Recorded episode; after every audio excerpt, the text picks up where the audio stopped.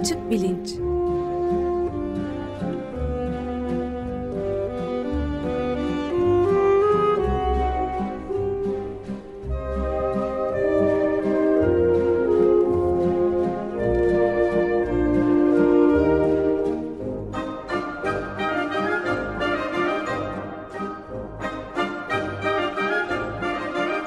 Güven Güzeldere ile bilim ve felsefe sohbetleri. Günaydın Güven Bey, merhabalar. Günaydın Ömer Bey. Günaydın. Günaydın Özdeş. Evet, bugün e, konuğumuz Edip Gürol. Onu da e, daha önceden de tanışıyoruz biz, biz de. E, siz genel tanıtımını ve konuyu söylerseniz daha iyi olacak. Tabii memnuniyetle. E, bugün konuğumuz Doktor Edip Gürol. Merhaba Edip, hoş geldin. Merhabalar, teşekkürler. Merhaba, hoş geldin. Merhaba, hoş geldiniz.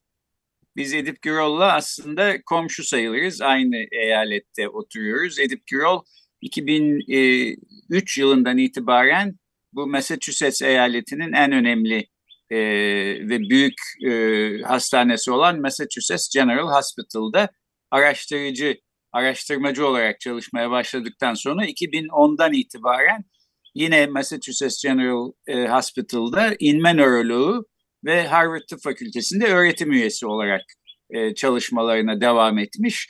E, halen de e, bu çalışmalarını sürdürüyor.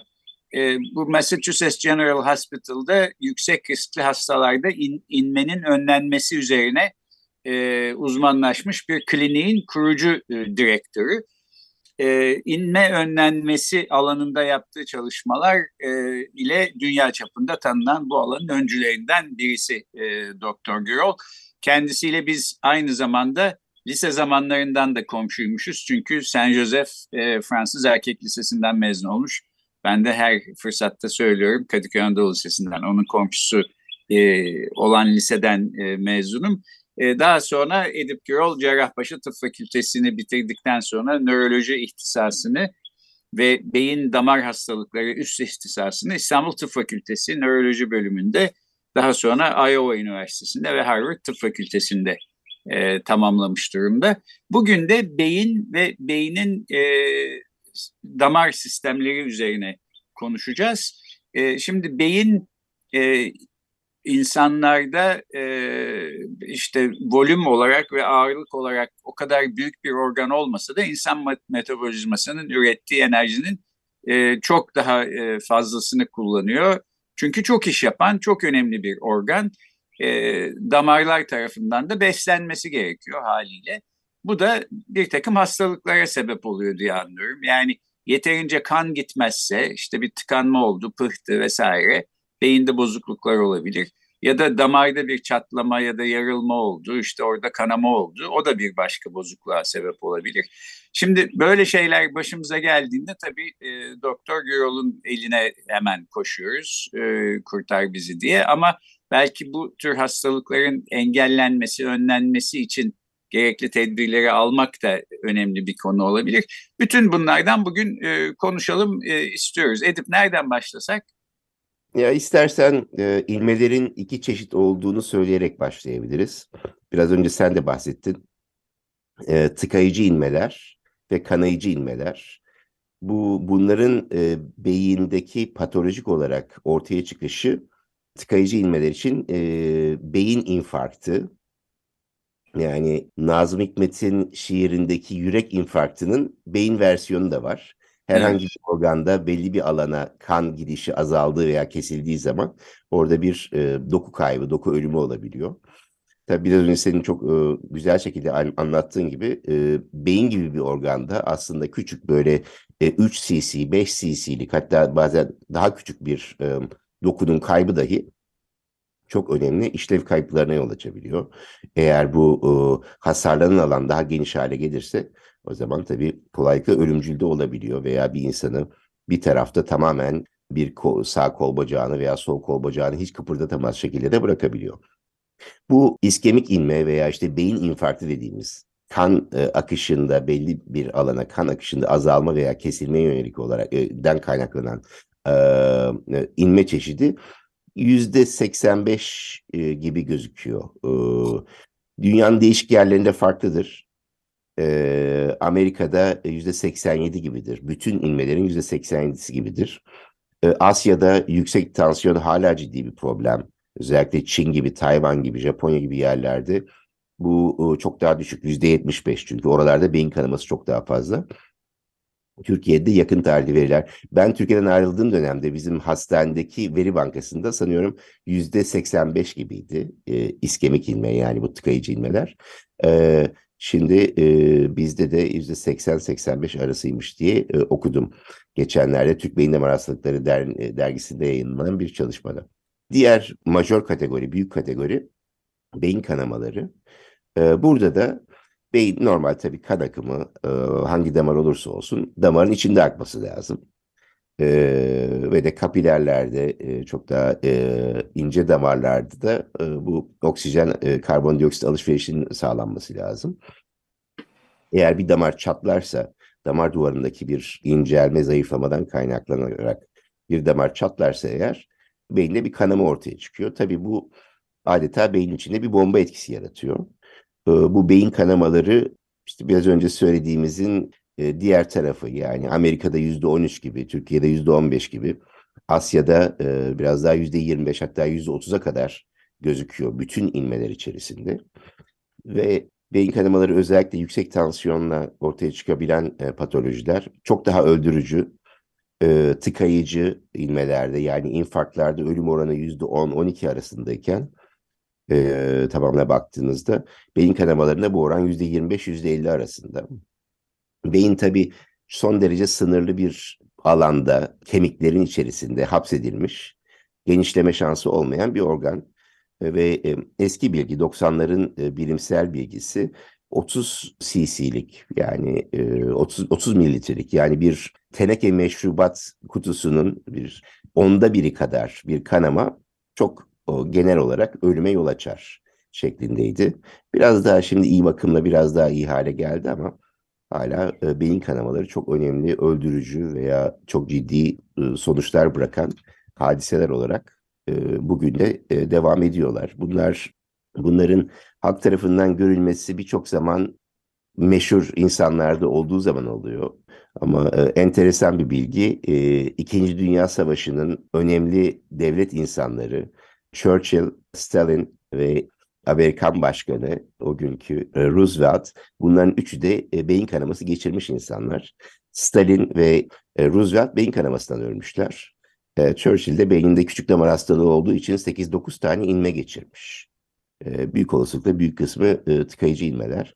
Ve artık belli bir noktadan sonra o kadar fazla beyin hasarı oluşmuş ki kendini birçok şeyden çekmiş, insanlarla konuşmaz olmuş. Orada avam kamerasına gittiğinde bile e, kendi başına durur bir hale gelmiş. E, yani e, bu e, ilmelerin hem acil dönemde e, bir anda insanın e, sağ veya sol tarafını felç eden, konuşmasına engel olan, görmesine engel olan, yürümesine engel olan e, etkileri var. E, daha küçük küçük epizotlar ortaya çıkıyorsa o zaman e, gerek e, zihinsel işlevlerde, kognisyonda azalma, gerek yürümede bozukluk ve depresyon gibi başka etkileri de oluyor. Peki ben şimdi şöyle anladım dediklerinden o zaman bu tıkayıcı inmeler istatistik olarak daha çok görülüyor bütün dünyada kanamalara nazaran. Fakat kanamalar daha ölümcül. Yani tıkayıcı inmeden kurtulmak sanki daha kolay gibi. E, bu kanayıcı inmeyle tıkayıcı inmenin e, sebepleri nelerdir ve buradan da herhalde bir noktada bunlardan korunmak için nasıl önlemler alabiliriz, nasıl bir hayat sürmemiz gerekir bunlardan da belki bahsederiz. Çok teşekkürler. Bence e, çok önemli bir ikinci soru oldu bu. Bu tıkayıcı inmeler yani beyin infarktları için ya beynin o alanını kanlandıran, oraya kan taşıyan büyük damarlarda, işte şah damarı misalen e, veya o şah damarının daha beyne yakın olan bölümlerinde e, yavaş yavaş işte sigara içmeye bağlı, yüksek kolesterole bağlı, yüksek tansiyona bağlı, e, şeker hastalığına bağlı veya diğer risk faktörlerine bağlı e, ateroskleroz oluşabiliyor. O aterosklerozun sonucunda yani e, bu önemli damarlarda duvar kalınlaşması oluşabiliyor. Öyle bir noktaya gelebiliyor ki artık iyice o, o daralma artıyor ve bir noktadan sonra ya oradan çıkan bir pıhtı gidip beyinde bir damarı tıkıyor veyahut da e, o daralma o kadar artıyor ki artık e, cevap veremez hale geliyor beynin belli alanlarındaki gereksinime. O zaman tabii bizim hepimizin ilkokuldan beri bildiği işte beyin 4 dakika kansız kalırsa şöyle olur böyle olur. Bunlar tabii çok genellemeler ama e, çok doğru tarafı da var, doğruluk payı da var. E, kan yeterince kanlanmayan alan e, e, infarkt geçiriyor yani e, ölüyor. Geri dönüşümsüz şekilde o, o bölgedeki beyin dokuları, beyin dokusu kaybediliyor. E, bu, bu bir e, mekanizma. İkinci ve belki daha sık olan mekanizma kalpten e, kalkan bir pıhtının gidip beyinde e, bir damarı tıkaması. Çok sık gözüken bir şey bu. Atrial fibrilasyon denen çok düzensiz bir kalp atımı var. Bunu biraz belki bahsederiz ama özellikle işte yüksek miktarda veya daha doğrusu şöyle söyleyelim. Evet, alkol alımı bir risk faktörü bunun için. Aklınıza gelebilecek bütün diğer damarsal risk faktörleri, yüksek tansiyon, yüksek kolesterol, şeker hastalığı bunlar, bunların hepsi risk faktörü atrial fibrilasyon için. Bu atrial fibrilasyonu olan hastalarda kalpte aslında kullanılmayan ve de cidari çok düzgün olmayan sol atrial appendix diye bir alanda pıhtı oluşuyor ve bu pıhtı oradan kalkıp beyine gidip e, biraz önce Güven'in çok e, doğru söylediği gibi e, beyin bütün vücut ağırlığının belki yüzde bir buçuğunu oluşturmasına rağmen e, kalbin çıktısının yüzde yirmi beşini alıyor. Ve de e, e, kas gibi değil. E, direnç e, oranı çok düşük olan bir e, akım alanı. Aortadan e, yani e, kalbin hemen üstündeki alandan e, çıkıyor bütün bu beyni besleyen damarlar. Dolayısıyla bir pıhtı çıktığı zaman maalesef en e, yüksek olasılıkla beyine gidiyor ve birçok zaman da orada hasar yaratabiliyor. E, işte bu kardiyoembolizm denen yani e, kalp, kalpten kaynaklanan pıhtı çok önemli bir başka nedeni. E, e, bu, bu tıkayıcı inmelerin e, veya beyin infarktlarının. Küçük damar hastalığı e, onun üzerine günlerce konuşulabilir. E, çok önemli bir e, bunama sebebi aynı zamanda. Küçük damar hastalığı beyindeki küçük damarların e, özellikle yüksek tansiyona veya serebral amiloid anjiyopati denen yine beyin küçük damarlarını tutan bir e, duruma bağlı olarak incelmesi, daralması ve çatlamaya da açık hale gelmesinden ortaya çıkan bir şey. Bu yine önemli bir beyin infarktı sebebi. E, onun haricinde de işte değişik uyuşturucuların kullanımı. E, bunlar e, hipertansiyon, yüksek tansiyona bağlı krizler yaratabiliyorlar ve bunlar pekala inmeleri hem kanayıcı hem tıkayıcı inmelere yol açabiliyorlar. Onun dışında da daha nadir bulunan bireyin kanında pıhtılaşma riskini arttıran bir kısmı genetik olan bazı durumlar var. Bunlar yine tıkayıcı inmelere veya infarklara neden olabiliyor. Kanayıcı inmelerin benim laboratuvarımın çok önemli bir çalışma alanı kanayıcı inmeler yani beyin kanamaları daha ziyade 55 60 65 yaş üzeri insanlarda iki tane ana e, e, beyin küçük damar hastalığından kaynaklanıyor. E, yüksek tansiyona bağlı küçük e, beyin küçük damar hastalığı ve de serebral amiloid anjiyopati dediğimiz e, özellikle işte e, bizler gibi beyazlarda biraz daha sık gözüken başka bir e, ve de kanama riskini çok arttıran e, bir durum. E, bunlar e, e, e, beyin infarktları ve beyin kanamalarının önemli nedenlerinden. Şimdi e, bu noktada pardon bir de şey var ya bu biraz önce sözünü de ettin edip yani beslenme e, ve yaşama biçimiyle e, ilişkisi üzerinde birazcık daha ayrıntı verebilir misin? Yani özellikle mesela bu enfarktları ve beyin kanamalarını artırıcı bazı beslenme e, malzemesi diyeyim olabilir mi? Yani beslenme şey, şeklini değiştirerek azaltabileceğimiz durumlar olabilir mi özellikle? Ee, ben kilolu bir insanım. Çok çok sevdiğim çocukluğumdan bir arkadaşım e, bir güzel kilo verdi. Ve e, ben ona sordum nasıl yaptın bunu diye. Abi dedi aç dolaşıyoruz dedi. Şimdi e, işin özü bu. Maalesef işin özü bu. Söylediğiniz şey çok doğru Ömer Bey. E, bunun gerek tıkayıcı gerek kanayıcı inmelerde en önemli risk faktörlerine bakarsanız yüksek tansiyon, yüksek kolesterol işte ve yüksek kan şekerleri. Bunların hepsi beslenmeyle birebir bağlantılı. Yani işte tuzu azaltmak, kolesterol alımını azaltmak, mümkün olduğu kadar e, yeşil e, yemek, e, mümkün olduğu kadar e, yağlı, doymuş yağlı e, e, e, yiyeceklerden uzak durmak.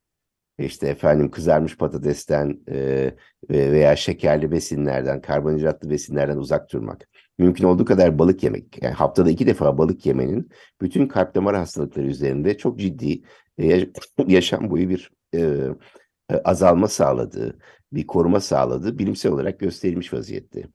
Yani e, işin aslı e, biraz daha e, Akdeniz usulü bir diyet, e, efendim e, hani yağ kullanılacaksa zeytinyağı kullanılması, e, mümkün olduğu kadar e, balık ağırlıklı yenmesi, yüksek kalori alımından uzak durum, durulması, e, bunların hepsi son derece önemli ve bunları yapabilen insanlar sadece beyin damar hastalıklarını değil, kalp damar hastalıkları açısından da kendini koruyorlar.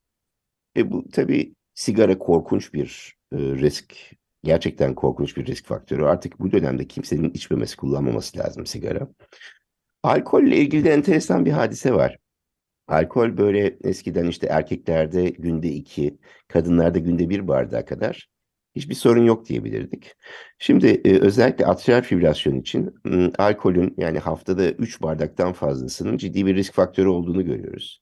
Atrial fibrilasyonu olan insanlarda da bu özellikle son 4-5 senedeki çalışmaların net gösterdiği bir şey. Eğer bir insanda atrial fibrilasyon varsa güvenli bir alkol alma sınırı yok. Yani hiç içmemek lazım. Ee, burada şu söylenebilir. Aslında gençlikten itibaren bir insan alkol alacaksa hakikaten e, dikkatli olması, e, azar azar kullanması, mümkünse bir, bir akşamda bir bardaktan fazla almaması ve de bir haftada da üçün üzerine mümkün olduğu kadar çıkmaması gibi şeylere özen gösterirse bir insan yine e, kalp damar sağlığı ve beyin damar sağlığı açısından kendisi de çok yararlı olur. Peki ben de şunu sorayım. Ee, şimdi kalp damar hastalıkları üzerinde çalışan insanlarla beyin damar hastalıkları üzerinde çalışan insanlar herhalde birbirlerinden bir bilgi alışverişin e, yapıyorlar olsa gerektir. Yani ben bunun şimdi ne kadar önemli olduğunu sen bunları anlatırken anlıyorum. E, genel olarak da böyle mi? Yani senin de mesela ortak çalışmalar yaptığın kalp damarcılar da var mı? Ya da oradan e, onların çalışmalarından senin öğrendiğin, senin çalışmalarından onların öğrendiği bir şeyler vardır herhalde değil mi?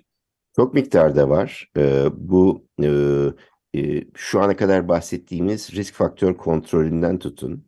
Ve bunlar e, özellikle Dünya Sağlık Örgütü'nün ve işte ona benzer şekilde, paralel şekilde çalışmaya gayret eden Dünya Stroke Örgütü var mesela, Dünya İnme Örgütü, bunun gibi Dünya Kardiyoloji Federasyonu var. Bunların hepsi bu risk faktörlerini bütün dünyada sadece Amerika'da, Batı Avrupa'da, gelişmiş ülkelerde değil her tarafta kontrol etme yolunda büyük bir emek sarf ediyorlar ve bahsettiğin gibi e, bunun işte daha önce bir e, e, e, kalp damar veya beyin damar hastalığı geçirmiş insanlarda ve geçirmemiş insanlarda farklı yaklaşımlar var, farklı hedefler var. Bunları sağlamaya çalışıyorlar. Fakat bundan çok daha önemlisi yüksek riskli hastalarda özellikle e, kalp doktorlarının, beyin damar hastalıkları üst ihsasların veya bu uzmanların beraber çalışması çok büyük önem taşıyor. E, bazen ilaç seçimlerinde de birbirlerine e, yardımcı olabiliyor hastanın menfaati için. Fakat bunun dışında daha ileri bir takım tedaviler var. Mesela bazı insan yani toplumun yüzde 25'inde kalpte orta hatta bir delik kalıyor doğumdan sonra. Fakat bunların büyük bölümü bir sorun yaratmıyor insanlara. Bir kısmında ise bir kısmında ise oradaki o delik e, toplar damarlardan gelen bir pıhtının beyine gitmesi ve inmeye yol açmasına e, e, sebebiyet verebiliyor. Bu gibi hastalarda işte biz kalp doktoru arkadaşlarımızla beraber çalışıp e, o deliğin PFO deniyor buna. Patent foramen ovale. Açık foramen ovale. E, bu açık radyo ile bir alakası yok. E, bunun e, kapanması gerekiyor ve e, işte orada bizim çok birebir, çok direkt ve de saatler vererek yani hastaya biz detaylı anlatıyoruz, onlar detaylı anlatıyorlar falan. Ve oranın tıkanmasıyla mesela yılda yüzde birden yüzde 0.5'e indirilebiliyor inme riski 5-6 senelik bir süreçte. Buna benzer şimdi atrial fibrilasyonlu hastalarda biraz önce bahsettim. Atrial fibrilasyon bu düzensiz kalp ritmi olan hastalarda e, pıhtı e, yüzde yüze yakın e, doğumdan sonra kullanılmayan bir odacıkta oluşuyor kalpte. Kalbin doğumdan sonra kullanılmayan bir odacığında oluşuyor. Ve bugün artık e, açık cerrahi olmadan kateter ile yani kasıktan bir kateter sokup kal kalbe kadar gidip bunu oldukça basit bir şekilde kapatma imkanları var. Ee, yine bu tip şeyler için e, biz e, kardiyologlarla çalışıyoruz. Benim e, uzun zamandan beri e, üzerine çok yoğun çalıştığım bu nörokardiyoloji denen alanı kurma e, e, yolunda e, çok emek sarf ettiğim bir alan. Keyif de aldığım bir şey. Yani tabii e, e, tıpta maalesef insanlar böyle biraz doktorlar diyelim silolar şeklinde kapalı silolar şeklinde çalışıyorlar birçok zaman ama e, Güven senin o bahsettiğin e, ortak çalışma kültürünün hastaya yarar gerçekten çok fazla ve giderek yavaş yavaş da olsa bunun arttığını hem e, çok merkezli, geniş çaplı çalışmalarda bu e, işbirliklerinin arttığını hem de e, bireysel hasta bakımı için yine e, e, bu alanda ciddi gelişmeler olduğu, artık nörologlarla kardiyologların e, beraber çalışma kültürünü daha geliştirdiklerini söylemek mümkün. Peki ben bir de şunu sorayım. Bu nörokardiyolojide e, rastladığınız e, rahatsızlıklar konusunda genetik bir e, temel olduğu düşünülüyor mu? Yani benim işte ne bileyim ailemde bir sürü e, damarları çatlamış, yırtılmış insan var. Dolayısıyla ben de bu riske daha fazla, bu risk bende daha fazla diğer insanlara göre diyebilir miyiz? Ve böyle dersek ne yapmak lazım? Benim nasıl bir e, önlem e, almam lazım? Şimdi bu çok önemli bir soru. Burada nörokardiyolojideki e, bütün e, patolojiler aynı değil tabii. Bunların bir kısmının gerçekten e, ailesel geçişi veya en azından bir e, genetik risk e, durumu e, olabilir. E, diseksiyonlar örnek olarak bu damar yırtılmaları, damar duvarı yırtılmalarında ortaya konan bazı şeyler var. Genelde eğer ailede 50-55 yaş altı tıkayıcı inme veya beyin infarktı geçiren bir insan varsa veya beyin kanaması geçiren bir insan varsa bu risk faktörüdür. Yani e, daha sonra gelenlerde de risk faktörüdür. Bu olmadığı sürece yani işte 65'inden sonra 70'inden sonra inme geçirmiş, tıkayıcı olsun, kanayıcı olsun bu çok majör bir risk faktörü değildir. Genel olarak benim önerim e, hastalarıma, arkadaşlarıma endişe yapmayın. Eğer e, aklınıza gelen bir soru işareti varsa e, o alanda kalifikasyonu olan bir e, doktora danışın. Ve Türkiye'mizde de e, çok bol sayıda çok kaliteli e, inme nöroloğu e, yani vasküler nörolog mevcut şu anda. Evet son dakikaya da girdik. E, genel bir soru Güven Bey var mı? Ben e, aslında e, evet programın son kısmındayız. Edip senin e, beyin nörokardiyoloji konusunda sorunları olan ya da soruları olan e, insanlara genel olarak söylemek istediğim bir şeyler varsa programı kapatırken ben sana bırakayım sözü. Çok teşekkürler. Şimdi e, hiçbir şekilde bir, bir mucize yok. İnanmasınlar. Yani işte özellikle e, bu inme geçiren insanlar tabii ondan sonra bu çok ağır bir travma e, birçok insan e, felçli kalıyor bir tarafta. Şu an böyle kök hücreydi, şuydu buydu böyle mucize yaratan bir tedavi yok. İşte fizik tedavi var. O yapılacak. O fizik tedavi hasta ne kadar katılırsa kendisi için o kadar yararlı olacak. Onun haricinde de kulaktan dolma bilgiyle hiçbir zaman e, bir şeyin peşine düşmesinler. E, güvenilir bir e, nöroloğa veya vasküler nöroloğa e, gitsinler akıllarına takılan bir şey olursa. Ee, ve de e, kullanmakta oldukları bir ilacı da kafalarına göre bırakmasınlar. Yeni bir ilaca kafalarına göre başlama, e, başlamasınlar derim. Bunlar zaman zaman burada bile gördüğümüz yani işte aspirin zararlı olabilir diye görüyor. Kendince öyle yorumluyor. Bırakıyor. Ondan sonra felç geçiriyor. Veya işte bir ilaca başlıyor, kanama geçiriyor. E, mümkün olduğu kadar hep e, tıbbın, pozitif bilimin e, ışığında gitsinler derim e, dinleyicilerimiz. Evet peki böylece de o zaman bitirelim. Şimdi aslında bu senin alanında tabii pek çok başka ilginç mesele de var. Yani hasta vakaları var, nörokardiyolojik e, semptomlarla e, işte demans geçiren insanlar da var filan. Bunları da ileride bir başka programda konuşuruz evet, diye. ayrıntılarında girebiliriz. Umudundayım ben de. Evet. Çok güzel olur. Evet, çok memnun ben de olurum. bir de programın bitişinde teşekkür etmek istiyorum. Profesör Hakan Gürvit'e Açık Bilinc'in kıdemli konuşmacılarından biliyorsunuz. Edip Gürol'un İstanbul'daki tıp eğitimi sırasında e, başlayan arkadaşlıkları e, halen de devam ediyor. Beni e, Doktor Edip Gürol'la tanıştıran da Hakan Gürvit'tir. Kendisine de buradan teşekkür edelim, bir selam gönderelim. Beni Böyle. de öyle zaten. Ben de bir selam göndereyim. O zaman ben de göndereyim. Hadi bakalım. Peki bu şekilde açık bilinci tamamlamış oluyoruz bu hafta. Bugün nörokardiyolojiden ve beynin damar sistemindeki bozukluklardan konuştuk. Harvard Tıp Fakültesi'nde e, nöroloji bölümünde e, öğretim üyesi olan Doktor Edip Gürol anlattı. Çok teşekkür ediyoruz Edip. Çok Çok- çok teşekkürler. Ben de aynı şekilde Hakan'a çok selamlarımı iletiyorum buradan. Peki görüşmek üzere, hoşçakalın. Hoşça kalın. Görüşmek üzere.